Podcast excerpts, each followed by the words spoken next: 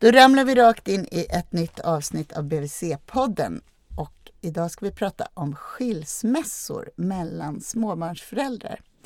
Jag heter Malin Bergström. Jag jobbar som psykolog på barnhälsovårdsenheten i Stockholms län. Och med mig idag har jag Emma Fransson. Och vem är du, Emma Fransson? Jag är psykolog och forskar på CHESS, Center for Health Equity Studies.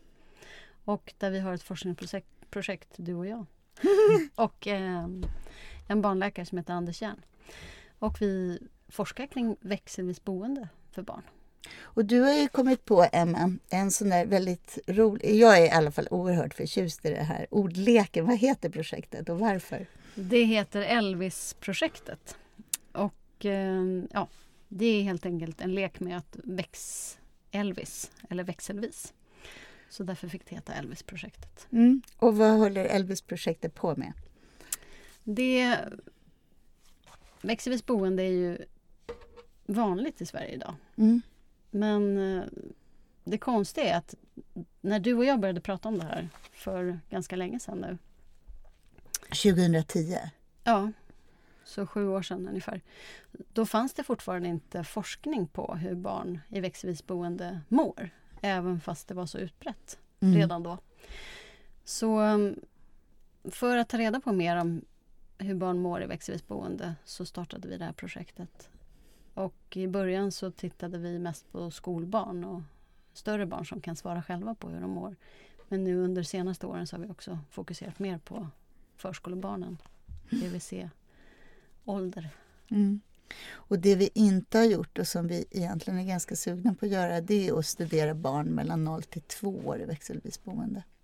Ja, det är fortfarande kvar och det kan man ju kanske tro att inte det förekommer men vi vet ju att det är inte helt ovanligt att föräldrar som separerar tidigt eller som kanske aldrig bor ihop också funderar kring hur man kan lösa ett växelvis boende för de yngsta barnen. Och när vi pratar om växelvis boende, hur definierar vi det då forskningsmässigt? I Sverige så brukar vi definiera det som att man bor ungefär lika mycket tid hos mamma och pappa eller båda föräldrarna. Medan internationellt så kan det variera mer, att man kanske bor 70% hos den ena och 30% hos den andra. Och då brukar vi i vår forskning kalla det för att man bor mest med den ena Medan när det är växelvis så handlar det mer om 50-50 mm. ungefär. Och eh, om man tänker jämfört med andra länder, är det här någonting... Du sa att det är så himla vanligt i Sverige och vad konstigt att man inte hade beforskat det mer. Eh, hur, är det likadant över hela världen? Växelvis boende, vad vi vet, är vanligast i Sverige av alla länder faktiskt. Sen i de andra nordiska länderna, Danmark och Norge, så är det också vanligt. Mm. Och sen finns det en del andra platser. Eh, ja, delar av Västeuropa som Nederländerna, Belgien. En del delar av USA, vissa delstater, så förekommer det här i större omfattning. Mm. Men i Sverige kan man säga att av de som har separerat eller föräldrar som inte bor tillsammans så är det upp mot 35-40 procent eller möjligen ännu lite mer Medan i andra länder som i Norge och Danmark, de siffror vi har i alla fall, säger att det är ungefär en fjärdedel av barnen med separerade föräldrar som har växelvis boende enligt den här 50-50 varianten. Mm. Och sen i andra delar så kan det vara ännu lite lägre. Då, men det verkar som att det ökar på många ställen. Precis som det har ökat här så verkar den ökningen komma kanske några år efter men att den kommer i andra länder också. Mm. Vi har ju till exempel varit både i Tyskland och i Finland och pratat om det här och där det var väldigt mycket mindre vanligt än i Sverige. Jag var ju i våras också i Vitryssland som var så spännande där de aldrig... Alltså jag skulle prata om något annat så råkade jag nämna att vi forskar på det här och då kunde psykologerna och socialarbetarna där inte sluta fråga för de hade aldrig hört talas om något så konstigt. Så här, får pappan ett schema då av mamman när han ska passa barn? Alltså att pappor själva skulle kunna ta ansvar för barn, det var helt... Ja, det där är jättespännande och vi får ju också ofta frågan när vi är ute, varför är det här så vanligt i Sverige? Mm. Och då är det ja, behöver man förklara kanske ganska mycket att vi hade de första förändringarna i vår familjelagstiftning redan på 70-talet. Mm. Dels det här med att vi har en föräldraförsäkring som ju faktiskt i grunden är könsneutral och att vi haft det sedan 1974. Mm. Att ja, föräldrarna kan dela lika. Vad är det mer för såna här svenska förutsättningar som du tror förklarar att vi har den högsta andelen barn i världen som bor växelvis? Jag tror att också en annan lagförändring som kom 1976 som gjorde att även om föräldrarna inte bodde tillsammans så kunde man ha gemensam vårdnad eller delad vårdnad som det hette då, lagligt sett. Mm.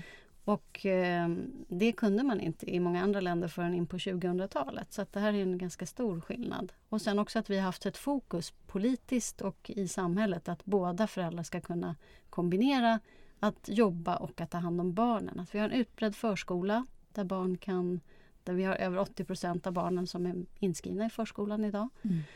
Och sen den här fokuset på någon sorts jämställdhet som ju finns både politiskt och att många föräldrar omfattar sådana värderingar att man vill dela att både, båda föräldrarna är viktiga. Mm. Och att förskolan inte är så dyr. Nej precis, att det finns en massa olika subventioner. Att både ha barn i förskolan som ju kan kosta tusentals kronor i andra länder som då gör att man istället väljer att det är ena föräldern och det är nästan alltid mamman är hemma. Så verkar det vara mycket i Tyskland till exempel. Mm. Men också att eh, man kan vara hemma när barnen är sjuka och få ersättning för det. Och att vi har en lång föräldraförsäkring och det kanske också är jätteviktigt därför att vi tänker, som vi uppfattar det i intervjuer vi har gjort med föräldrar i den här forskningen, att den relation som grundläggs under medan man är föräldraledig, om man sen separerar, då är det ju svårt för en pappa som har varit hemma att tänka sig att nej men nu ska barnet bo hos mamma bara. Alltså det blir otänkbart för, för många föräldrar. Och då menar du att det händer något i relationen mellan barn och förälder när man har förstahandsansvar som man har när man är föräldraledig? Liksom. Ja, absolut. Och att den relationen som man har byggt då skapar en helt annan förutsättning för hur man tänker att man gör när man separerar. Mm. Jämfört med om man hade ett system som betonade att till exempel att mamman är viktigast de första tre åren som vi hör mycket i andra länder och det finns fortfarande sådana uppfattningar förstås i vårt samhälle också men det är mycket mer ovanligt här. Mm. Men att då ja, om man delar på det och är en viktig person i barnets liv så fortsätter man ju vara det och tycker att det är självklart kanske att dela på det även om man separerar. Jag tänkte vi ska återkomma till det här med föräldrars åsikter. Mm. Men innan det så vill jag bara säga för att de här förutsättningarna för att barn bor växelvis i Sverige som du nu har gett en massa exempel på. Det, det har ju någonstans vi behövt bli så tydliga med att prata om därför att många av dem i andra länder som driver de här frågorna det är mera pappaorganisationer, alltså mera mm. män än kvinnor som säger att jag behöver avlastning i föräldraskapet, jag vill ha en jämställd plats på arbetsmarknaden och så vidare. Och men jag bara tänker att det, där, det är viktigt att se att synen på barn och vad som är bra för barn och eh, vilka förutsättningar man har som familj, det är ju väldigt politiskt grundat på något sätt. Verkligen. Och jag är inte expert på det men jag tror att vi kan också egentligen skriva en ännu längre historia som börjar mer med Alva Myrdal kanske, eller det som kom före henne, varför hon hade sina åsikter om att barn också kan må bra på förskola till exempel. Eller, alltså att jag tror att grunderna lades för ännu längre sen. Men som sagt, jag är inte superbra på det. Men jag tror att det kan vara viktigt också en förklaring är att de här frågorna med förskola och så att det har kommit från kvinnorörelsen. Att mm. Man kan tänka sig att i vissa länder så kanske om kvinnor inte har en etablering på arbetsmarknaden då blir det väldigt viktigt att ha kvar ansvaret för hemmet och att kanske ha makten över det eller att uppfostra barnen är ens roll så att om man fråntas den så blir man har man ingenting annat att falla tillbaka på. Man har kanske inte en utbildning eller så. Och då blir förutsättningarna helt annorlunda. Eller om man som i Tyskland inte tjänar på att båda arbetar så blir det också andra förutsättningar. Så det är många pusselbitar i varför det här är så vanligt. En grej som vi har blivit förvånade över det är ju också att det i många länder är så mycket pengar involverade i skilsmässor och vårdnadstvister. Mm. Att I USA till exempel så är mitt intryck att det handlar ofta mycket mer om pengar än vad som är barns behov. För att det helt enkelt handlar om att ha ett uppehälle efter en separation. Liksom. Ja, och det är klart att det också blir mycket svårare då att prata om vad vill vi med vårt föräldraskap om man mm. Det är olika miljoner som man förlorar på det ena eller andra beslutet. Mm. Eller så. Så det är ju förstås också en viktig och bra förutsättning som vi har här att det sällan är ekonomiska stora saker mm. som separation innebär. Hur tycker du Emma, att du har påverkats som barnpsykolog i din syn på vad som är viktigt för barn av att hålla på med de här studierna och liksom de här samhälleliga och i viss mån politiska aspekterna på föräldraskap? Jag tror på ett sätt för mig att det har varit två olika saker. Dels att få syn på verkligen vilka förutsättningar vårt samhälle har gett för att det här ska kunna uppstå, att växelvis boende har blivit så vanligt. Så det är mer en insikt som är ja, som kanske inte jag använder dagligen som psykolog. Men sen är det också någonstans att den här forskningen som vi bedriver, när man kan se att, och det har vi inte kommit till än egentligen, men vi ser i den här forskningen att barn som bor växelvis, när de rapporterar själva i studier, så mår de bra. De verkar inte lida av att de har två hem eller att de flyttar mellan sina föräldrar utan tvärtom så tror vi att det finns en fördel att man har tillgång till båda föräldrar och relationen, att den är viktig. Också resurserna från båda föräldrar. Vad är det för resurser? Ja, både materiella resurser som att det blir lättare för barnet att ha en egen ekonomi, kanske eller eget rum eller den typen av materiella saker. Men framförallt stödet från båda föräldrar. Och att ha ja, att barn som bor med båda, om det är växelvis eller tillsammans med båda hela tiden, att man då oftare har en, känner att man har stöd eller att man har en bra relation med båda, både pappa och mamma. Och att det är mindre vanligt om man bor bara med den ena föräldern. Så någon slags vardagligt föräldraskap har du uppfattat som att det är är bra för barn, så länge föräldrarna funkar förstås? Ja, precis. Men sen att applicera det på en enskild familj som kommer och vill ha råd, det är inte alltid lika enkelt därför att det finns vad som är bra på gruppnivå är en sak och det kan vi berätta om. Men vad som är bra för det enskilda barnet, det är svårare att bedöma. Då är det många andra saker som man behöver väga in. Vem har ja, hur ser relationen ut idag? Vart vill man komma och hur ska man bygga den relation som man vill ha framöver? Och att det blir lite två olika saker.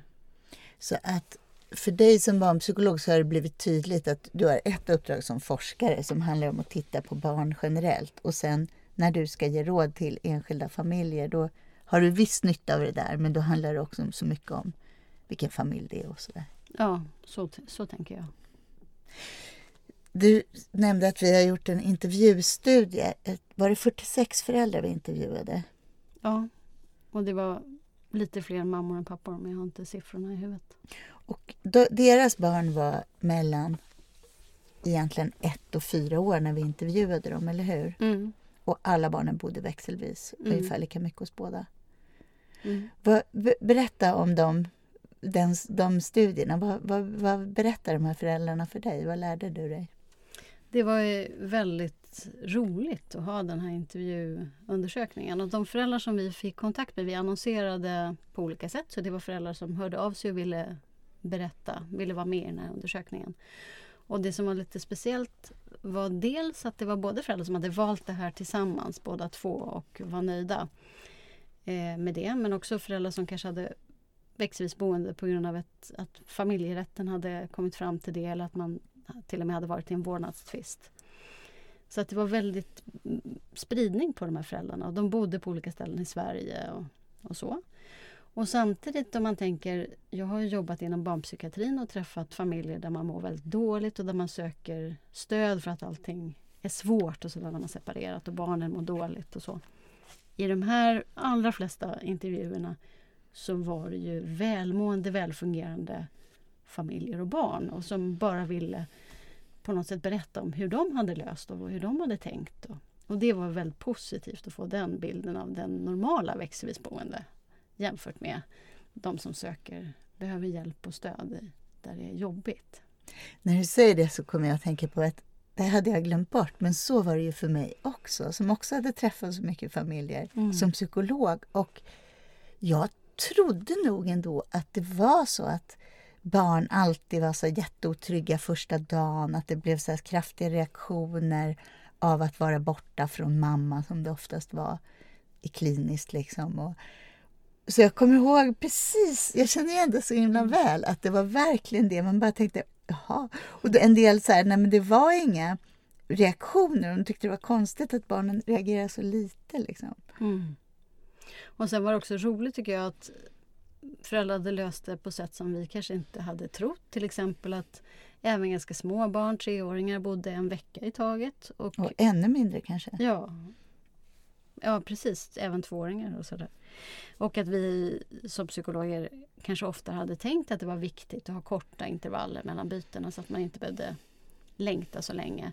Men föräldrar beskrev helt olika scenarier där några tyckte att det här med korta intervaller var superviktigt. Man hade kanske haft längre och det stod man inte ut med. Och det kanske var föräldern som inte stod ut med att vara borta så länge från barnet. Det behöver inte alltid vara barnet som hade svårt med det. Men också att det fanns de som tyckte att nej, men om det är så här korta intervaller då passar inte det vårt barn. För så fort hen har kommit in i en lek eller kommit hem i det här stället och hittat tillbaka då är det dags att flytta igen och då blev inte det bra. Så att den här individanpassningen som de automatiskt hade gjort och som de processade på något sätt det tyckte jag också var väldigt spännande och lärorikt. Och det var ju något annat än vad man hade hört liksom i, eller läst i teorin om Mm. hur det skulle vara. Absolut, både att vi pratade med minnesforskare och det vet man ju någonstans själv också. Den här teorin som man har haft att barn minns kort och därför bör man ha korta byten. Och samtidigt som man som förälder eller ja, i samhället har vetat det. Men barn som inte träffar sin mormor och morfar eller så på ett tag känner ju såklart igen dem. Det är ingenting som man glömmer bort. Men det här blev väldigt tydligt när man hade de här intervjuerna. Eh, det var väldigt, på det sättet så har det nog påverkat mig som psykolog också förstås. Den här insikten om hur det kan funka när allting är bra. Mm. Eh, vad, vad, vad sa de här föräldrarna om skälet till att de hade... För det här var ju alltså väldigt små barn. Ja, men jag tänker så här, en tvååring som flyttar 50, den kanske flyttar 100 gånger per år. Det är ju jättemycket. Det är vanligt att vuxna säger så här, ja, jag skulle inte vilja bo växelvis och gud vad rotlöst det verkar och så. Ja. Och ändå valde de här föräldrarna, eller i alla fall en stor del av dem, hade ju valt det själva. Ja, och där tror jag att det blir någon sorts omvänt perspektiv. Man tänker inte liksom att barnet flyttar utan att det är bara så självklart att man ska fortsätta ha tillgång till båda föräldrarna och att man är på något sätt liksom ett system fast man delar upp det i, i två olika bostäder. Och då är, det är klart man bara måste lösa det där så att barnet fortsätter vi upprätthåller liksom de här relationerna. Att det var det som var det viktiga. Att den här frågan nästan blir konstig. Varför har ni valt det här? Ja, men det är, det är ju självklart på något sätt för många. Mm. Inte för alla förstås, men, men för många. Och där kunde man ju nästan se svensk familjepolitik uttryckt som en enskild röst av att det, varför skulle hon bo mer hos en av oss när hon är barn till båda eller Mm. vad folk sa. Precis. Jag tänkte på det där med eh, ja, men alla såna här föreställningar om vad som är bra för barn. Var det, någon an, var det någonting annat i de där intervjuerna som, som ställde det på ända för dig?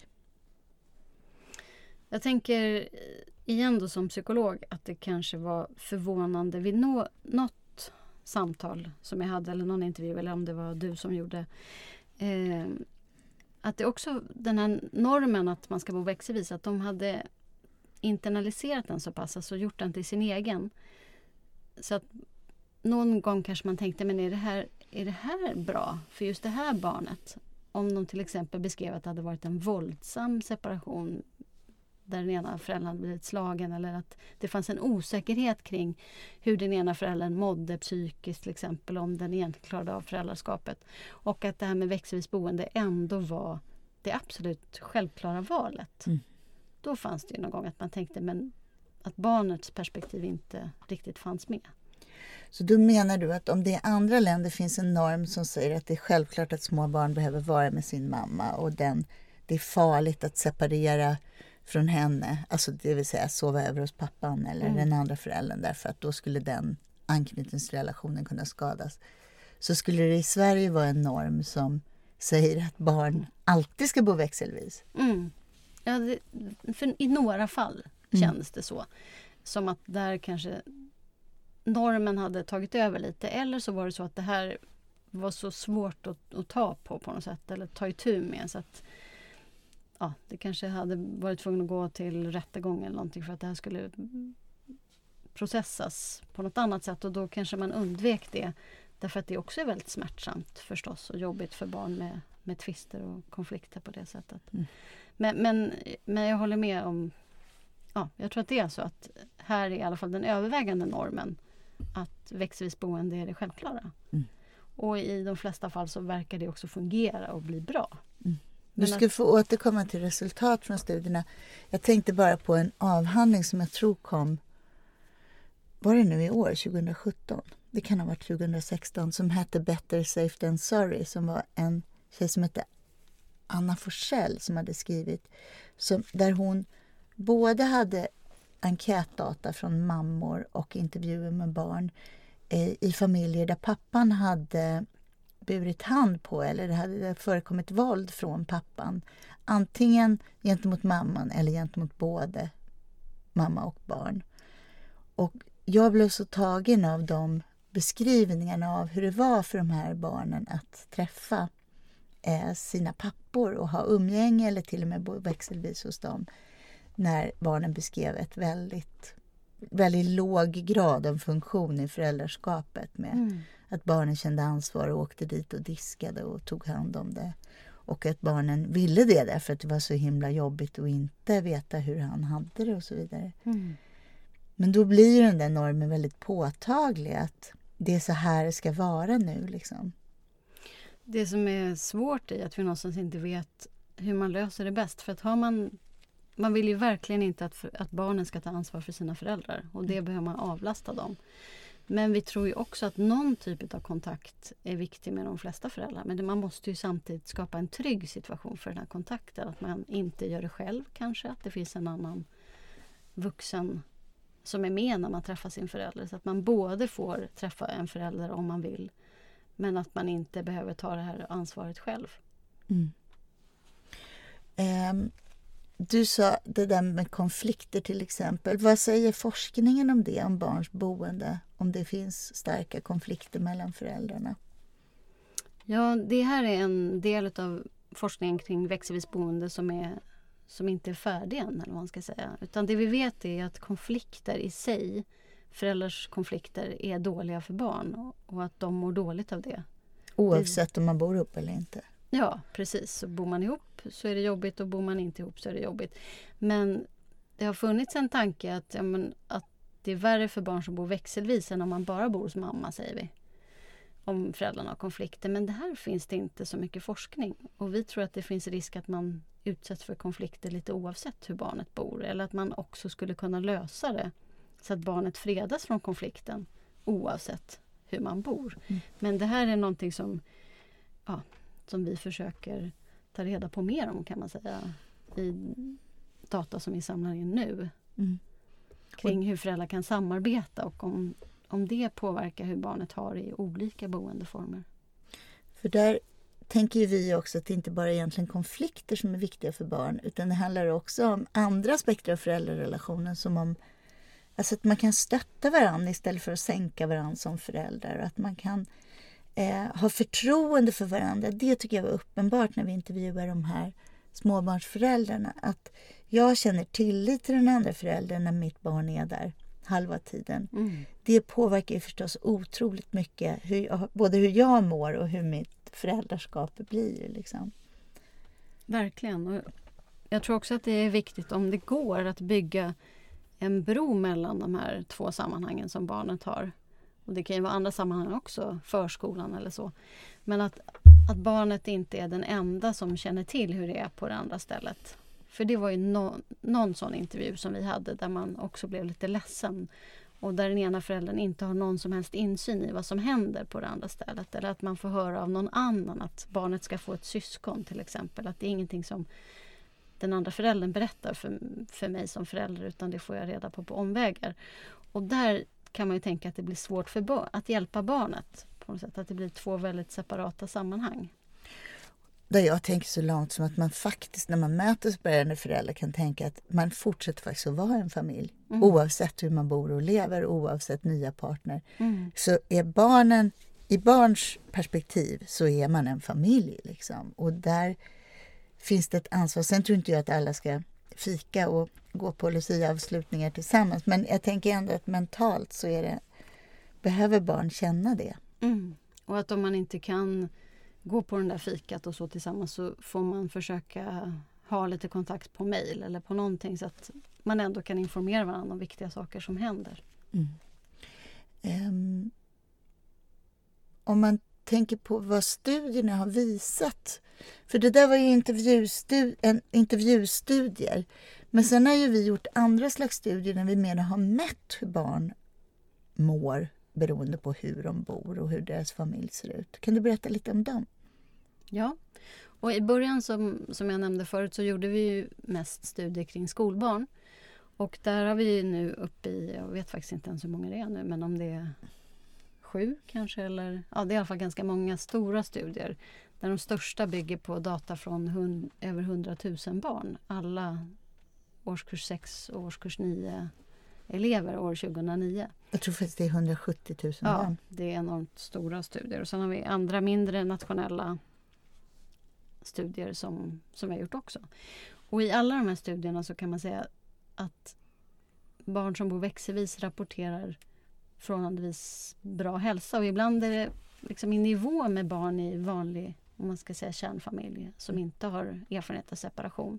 Så det förvånade väl oss lite därför att man tänker sig att separation i sig är en jobbig grej för barn att vara med om. Men det verkar som att man återhämtar sig efter det och om man bor växelvis så har man efter ett tag eh, lika, man mår ungefär lika bra som man kanske gjorde innan. Så ett tydligt resultat genom de studierna det har varit att barn som bor bara eller mest med en förälder, de har generellt sett mer problem än barn som bor växelvis. Eller med föräldrar som inte har separerat. Ja, så ser det ut. Vad vi inte har kunnat studera i de här materialen som vi har haft, det är egentligen vad det beror på. För vi kan inte se om det var så innan redan. Och vi vet ju i och för sig från annan forskning att föräldrar som separerar och där den ena föräldern så att säga försvinner. Det kan ju ha funnits en problematik innan, kanske att den ena föräldern mår dåligt på något sätt redan innan separationen. Så det kan vara en förklaring.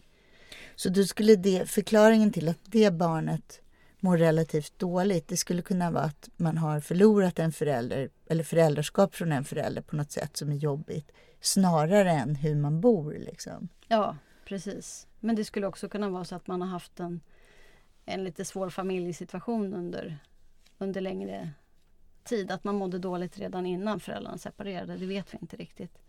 Men det verkar som att eh, det också är viktigt det här med kontakten med, med båda föräldrarna. Att så länge de är tillräckligt bra, båda föräldrar, så har det här en... Ja, vi kan tänka oss att det liknar lite hur det är att vara i en familj där båda föräldrarna är där hela tiden. Mm. Att man bor växelvis, att man har kontakt med båda. Det kan också vara så att de familjerna som väljer växelvisboende skiljer sig på andra sätt från de som där barnet bor mest eller bara med en förälder. Och då skulle det också kunna förklara Ja, det kanske, eller vi vet ju också från andra studier, eller från våra också, att de är lite oftare mer välutbildade i de familjer som väljer växelvis boende.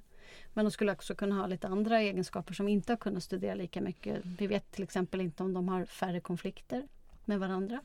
Det skulle kunna vara så. Men... Vi har sett i någon studie att de var nöjda med sitt liv i större utsträckning än de som hade barnen på heltid.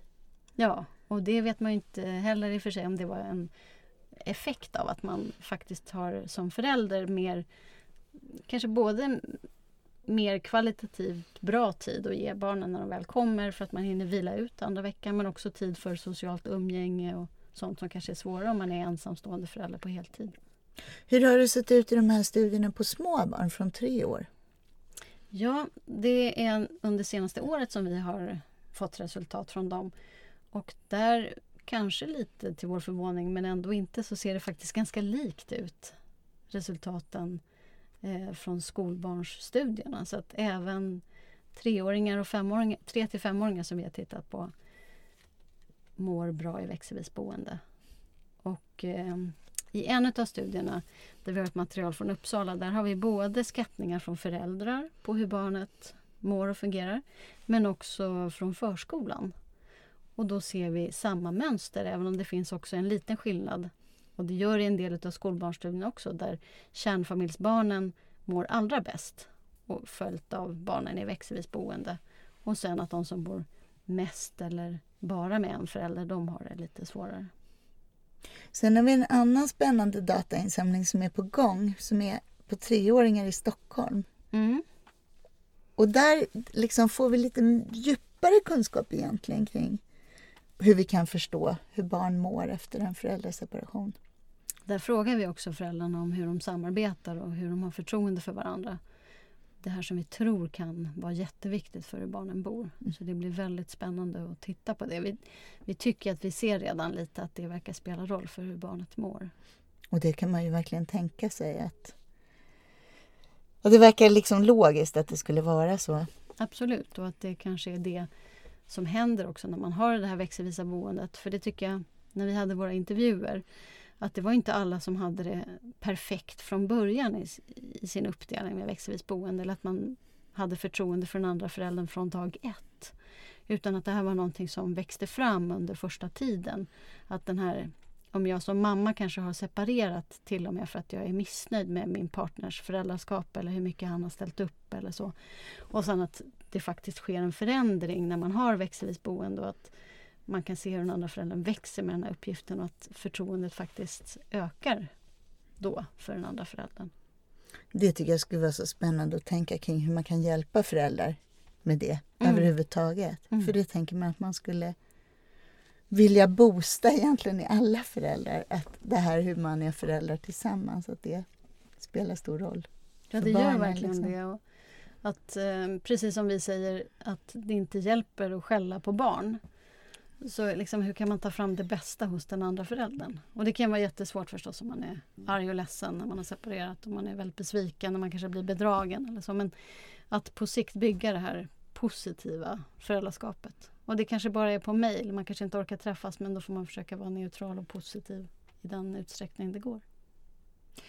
Avslutningsvis Emma, så vill jag bara fråga dig, för du har ju faktiskt egen erfarenhet av det här. Ja. Och det är inte så jättemånga vuxna som har det. Berätta. Ja, mina föräldrar separerade när jag var tre. Och, eh, så då växte jag upp i växelvis boende från det till att jag flyttade hemifrån. Och var det vanligt bland dina kompisar då? Nej, det var det inte. Utan jag var kanske den enda. Jag kommer faktiskt inte ihåg riktigt. Jo, men det var i alla fall... Ja, det var tog nog ett tag innan jag träffade fler som hade det så. Utan de flesta som hade separerade föräldrar bodde ju med sin mamma. Eller... Vad är dina erfarenheter då? Om man kan säga något kort liksom. Ja, det är svårt eftersom man kan inte göra ett experiment med sig själv på något sätt. Ha flera uppväxter. Men eh, jag tror att jag hela tiden tänkte att det inte fanns något annat alternativ. Att jag hade inte velat byta och bo bara med en. Utan att, ja, att ha en vardag med båda föräldrarna var väldigt mycket värt. Sen betyder inte det att det alltid är superenkelt eller så. Man kan bli tokig när man har glömt sina grejer på det ena stället eller när ja, man kanske skulle vilja byta någonting och föräldrarna kommer inte riktigt överens om det utan ja, för mig i alla fall var det så att mina föräldrar hade ett väldigt, väldigt strikt schema som var väldigt svårt att rucka på. Och ja, där hade man kanske kunnat tänka att de hade kunnat vara lite mer flexibla. Men, men nej, jag tycker summan är att det där var absolut det bästa alternativet till den här situationen. Och sen finns det mycket andra roliga saker med att ha haft på något sätt två olika uppväxtmiljöer. Jag kan tycka att det är spännande. Det kanske påverkar en mer än vad man tror. Men... Har du tänkt så att det kan kanske påverka en mycket? Ja, för mig personligen tror jag att det har gjort det. Sen är det svårt att veta som sagt eftersom man inte har någonting att jämföra med. För du vet ju att många föräldrar som vi intervjuade, de tänkte mycket på det, hur det skulle påverka deras barn. Alltså att om mm. det skulle, man skulle bli en annan slags personlighet. Anpasslig och liksom så socialt kompetent eller tvärtom rotlös. Och... Ja, det kan säkert eh, ge båda typerna av effekter tror jag beroende på vem man är. Och det är också en grej som jag egentligen är sugen på att forska på i framtiden. För jag tror att det kan finnas barn som har ett ännu större behov av trygghet där man måste göra växelvis boende kanske lite anpassat eller, eller så. Och det vet vi inte heller så mycket om, om det finns några barn som har jättesvårt med det här. Det verkar ju för sig som att även barn med autism till exempel som jag känner personligen eller som jag har mött att de också klarar bra att anpassa sig till varannan vecka. Men att man behöver en kanske ännu tydligare inramning. Och det kan även gälla, tänker jag, för, för små barn. Att det är svårt för dem att förstå i början. Att man kan höra barn som frågar väldigt mycket. Var bor jag? liksom sådana saker i början. En sån verkligen hjärtknipande fråga. Var ja. bor jag? Då dör man ju. Att det är liksom otydligt. Men att, men att med hjälp och med struktur och efter ett tag, ungefär som med allting som barn lär sig när det är en stor förändring, så, så verkar det här också sätta sig. Så att, men det är ändå någonting som jag är sugen på att titta mer på. Jag tänker också hur himla normativ man är. När man, alltså jag frågar dig så hur du tror att det har påverkat dig. Mm. Och när man pratar med andra om växelhusboende så är det ofta så där. Men det är väldigt sällan man frågar folk som har växt upp med en mamma och en pappa hur mm. de tror att det har påverkat dem. Ja, och där kan man säga att det tror jag påverkar jättemycket. alltså jag menar, när man, alltså det är vissa så här, om folk av samma kön ska få barn så ska man hålla på och tänka kring vad mm. det blir. Men det som ändå är någon slags understatement norm, det mm. tänker man att, ja ja men Ja, det är verkligen speciellt. Jag tror, men jag, och där är väl jag sån att jag tror att allting påverkar. Och det är därför jag tror att bo växelvis påverkar jättemycket. Precis som det skulle göra ja, att bo i Sverige påverkar jättemycket. Man får helt andra värderingar än om man hade bott någon helt annanstans. Sen kan det vara spännande ändå att undersöka på vilket sätt blir det. Mm. Det låter som en riktig psykolog. Oh ja! du Emma, jag ska säga tack för idag. Tack så mycket. Tack för att du kom hit. Tack själv. Hej då. Hej.